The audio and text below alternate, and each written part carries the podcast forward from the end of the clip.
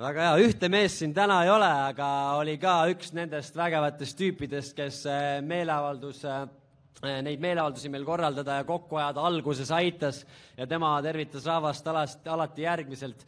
ahoi, rahvas! William Koval oli see mees siis, äh, kahjuks ei ole teda täna siin näinud, aga tervitused talle.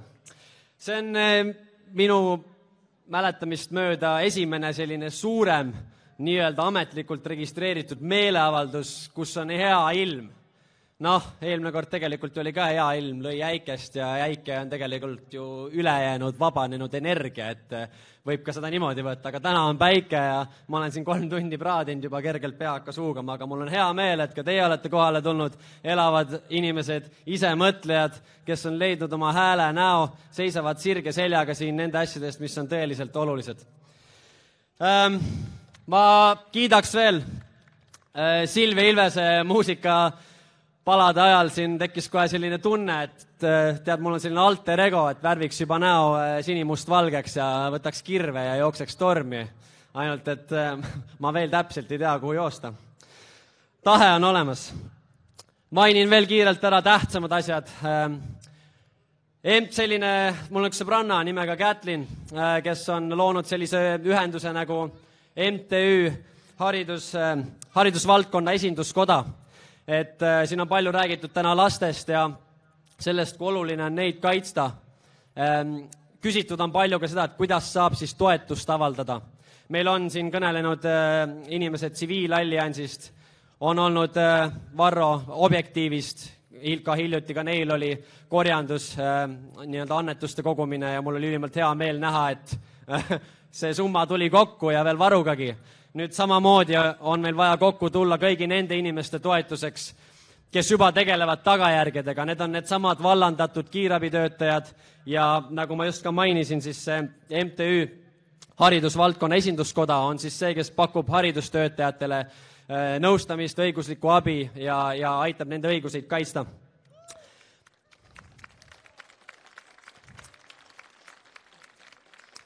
Priit äh, Wimberg mainis siin äh, seda Sotsiaalministeeriumis korraldatavat häkathoni, mille eesmärk on siis saada äh, võimalikult paljud inimesed vaktsineerima. no ma tahaks kohe siit võtta hunniku vapraid mehi kokku, sest kui eelmine kõne oli armastusest ja hoolitsusest pakatav, siis ma olen üsna vihane mees tänaseks päevaks juba. ma tahaks minna sinna ja lõigata neid juhtmed läbi, mis iganes ajurünnakud seal korraldatakse. Need ajud on pandud tööle vale eesmärgi nimel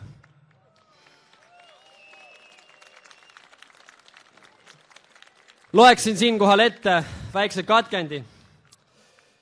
see kõlab, see kõlab järgmiselt. mis on siis selle nii-öelda valitsust, seltskonna eesmärk seal? mikrokiibistatud ja idioodistatud elanikkond, täiusele viidud uus orjanduslik kord. täiusele on see viidud siis, kui siin kupli all on toime pandud täielik juhmistamine ori peab olema sellise teadusega, et ta on vaba ja ta ei olegi ori. seda ta siis arvab. sest sel hetkel, kui ta saab aru, et ta on ori, võib hakata arenema soov saada vabaks. meil siin kõigil on soov olla vaba, sest me keeldume laskmast neil üldse ennast orjastada. deklareerin siinkohal ära ka selle, et seesama vaktsiinisüst läheb minu kehasse sisse ainult postuumselt. see tähendab peale surma. see on minu keha ja ma kuulen juba jutte sellest, et meile võidakse hakata tulema ukse taha. kui ma ei eksi, siis oli see Tanel Kiik, kes rääkis, et kusjuures ta ei öelnud, et nii võib juhtuda, vaid ta ütles, et ei ole mõistlik oodata, kuni tuleb ametnik nõela ja portfelliga mulle ukse taha ehk siis ta tuleb sulle ukse taha. no mina ootan teda. teine tegelane, Irja Lutsar, ma siin jagasin mõned päevad tagasi sotsiaalmeedias ühte katkendit. inimene, noored inimesed joovad ennast mõistuseni täis, no kuidas see üldse võimalik on, ma ei tea, ja võtavad arutuid riske. Deklareerides samas lauses kohe otsa, et noor inimene ikkagi peaks neid riske võtma ja minema tegema siis seda vaktsiini. no need inimesed, ma jälle meenutan siinkohal korraks seda kadunud narkootikumide lugu Lanno Laost, et no mida need inimesed seal tarbivad, ma ei saa aru. ja sellised inimesed vastutavad siin meie tervise eest siis. Nendel inimestel on aeg lahkuda ja Varro mainis, Varro mainis siin, et äh, meil on aeg hakata vaatama seda asja natukene teistmoodi. enam ei piisa sellest, et me lihtsalt siin nõustume teineteisega.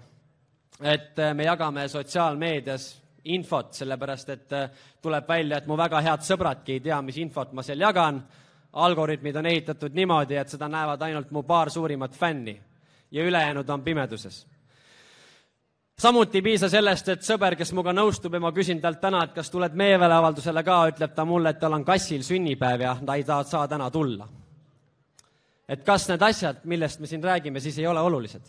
Varro ütles õigesti, see on lahing, see on võitlus, see on sõda headuse ja kurjuse vahel. see, see on sõda, mida me ei pruugi võita võib-olla ei võida kunagi, seda on peetud igavesti, aga see on sõda, milles me peame igavesti osalema. sest kui meie, head inimesed, enam ei osale, siis nemad võidavad.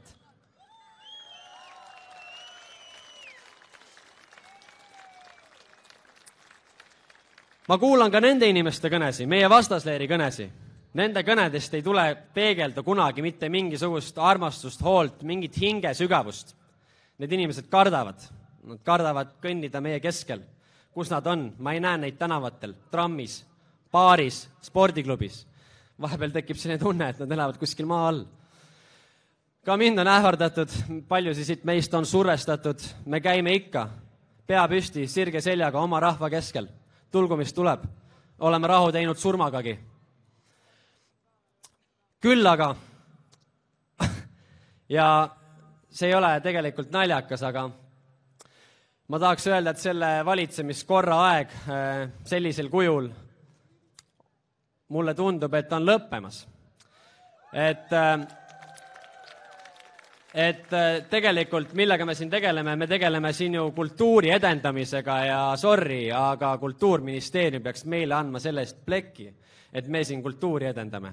ma pole meelelahutuskultuuri sellist varem Eestis näinud nii pika aja vältel põlve otsas ehitatakse siin äh, meeleavaldusi, luuakse materjale, prinditakse plakateid, renditakse tehnika, me ei saa sellest mitte midagi vastu.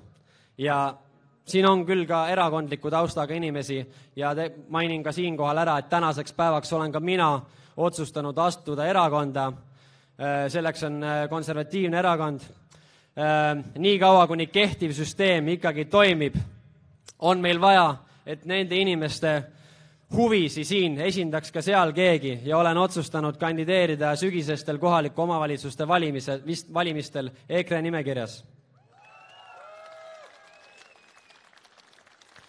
deklareerin siinkohal ka selgelt ära, et minu ülim eesmärk ei ole saada osutuda valituks. kõik on millegi tulem ja kui seda on vaja, siis see nii juhtub mille ja kelle eest mina lähen sinna kõnelema ja seisma, on ikkagi huvigrupp, kes on täna tulnud siia kokku, kes seisab kindlalt sellesama vaktsineerimise, totalitaarse maailmakorra kehtestamise, tsensuuri ja europiidistumise vastu.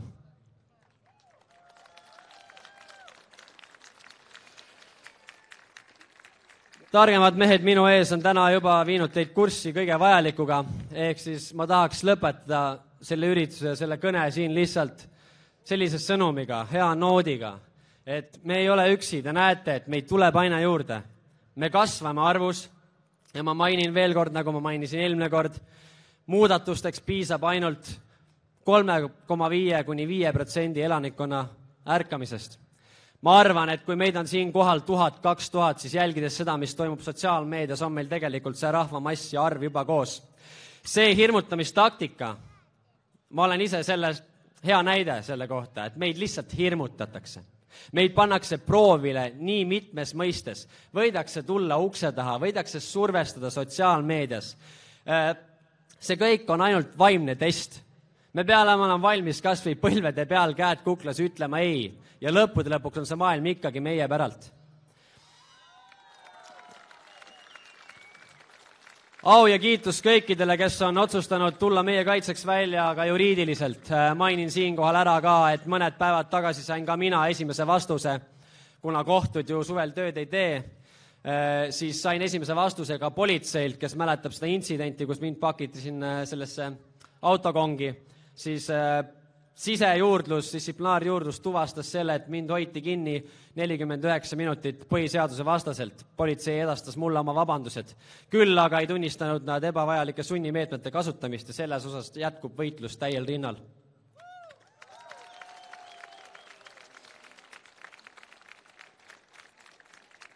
me saavutame edu siis, kui me lihtsalt ei allu. Varro mainis korduvalt, me vilistame nendele korraldustele kogu selle perioodi vältel viimase aasta jooksul oli näiteks minu kohvik Kalamajas avatud. sinna tulid, marssid sisse ka politseinikud, marssid sisse ka terviseametnikud. vabandan, nad ei marssinud sisse, nad ei saanud ukselt edasi. Nad survestasid meid, ähvardasid trahvidega, mainiti juba, need trahvid on tühistatud. Nende samade uste peal ütlesin ma neile, et mis iganes raporteerimiskohustus teil on, marssige siit selge ees välja tagasi. raporteerige, kuhu iganes teil raporteerida vaja on ja jätke meid rahule.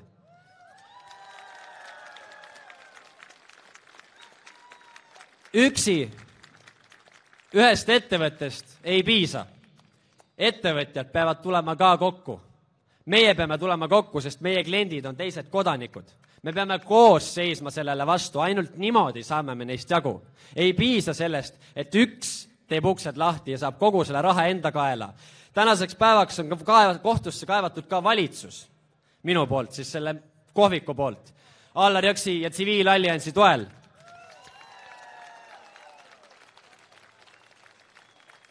palun siinkohal avaldada tuge ka nendele samadele organisatsioonidele, nagu mainisin, Objektiiv, haridustöötajate kaitseks ja tsiviilallianss, sest need kohtulahingud, esimene arve, mul ei ole probleemi, kunagi me räägime selle kõik lahti, kuidas asjad käivad, oli seal vahemikus kolmteist kuni viisteist tuhat eurot ja selle eest me ei ole isegi veel kohtusse jõudnud. vaadake, riik on jube tore selles mõttes, naeravad sulle näkku ja ütlevad siin politseinikudki sulle, et aga meil on ju õigusriik, te saate oma õiguste kaitseks pöörduda kohtusse on ju, ja siis nad kotivad vanemaid inimesi, kotivad siin mannergumehi, on ju, sest nad teavad, et see on võib-olla ainult rikka inimese lõbu.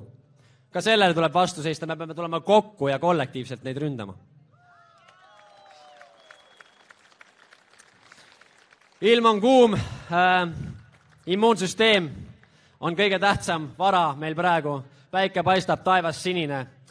sügis saab tulema sünge, minu hinnangul räägitakse juba, et noh, jälle needsamad terviseametnikud ja spetsialistid teavad, et esimesest oktoobrist juba, mis meil siin kõik juhtuma hakkab ja deklareerivad, et see tuleks avalikkusele teatavaks teha. me seda veel ei tea, mis tulema hakkab, aga signaal on saadetud. inimesed, hoolitsegem enda immuunsüsteemidest käigem maapinna peal, ujugem merevees ja hoolitsegem enda ja oma lähedaste ees ja ärgem karkem rääkida nendest asjadest kõva häälega. me ei pea seltskondades ja avalikes kohtades kartma, et me oleme mingi vähemusgrupp, ei ole. me räägime nendest asjadest kõvade häältega selleks, et need inimesed, kelle sees veel see säde hõõgub, et ka see kasvaks tulele ja et need inimesed liituks ka meiega, me kasvaks numbris ja me saaksime tugeva löögivõimelise rusika. aitäh teile, olge vaprad ja pidage vastu!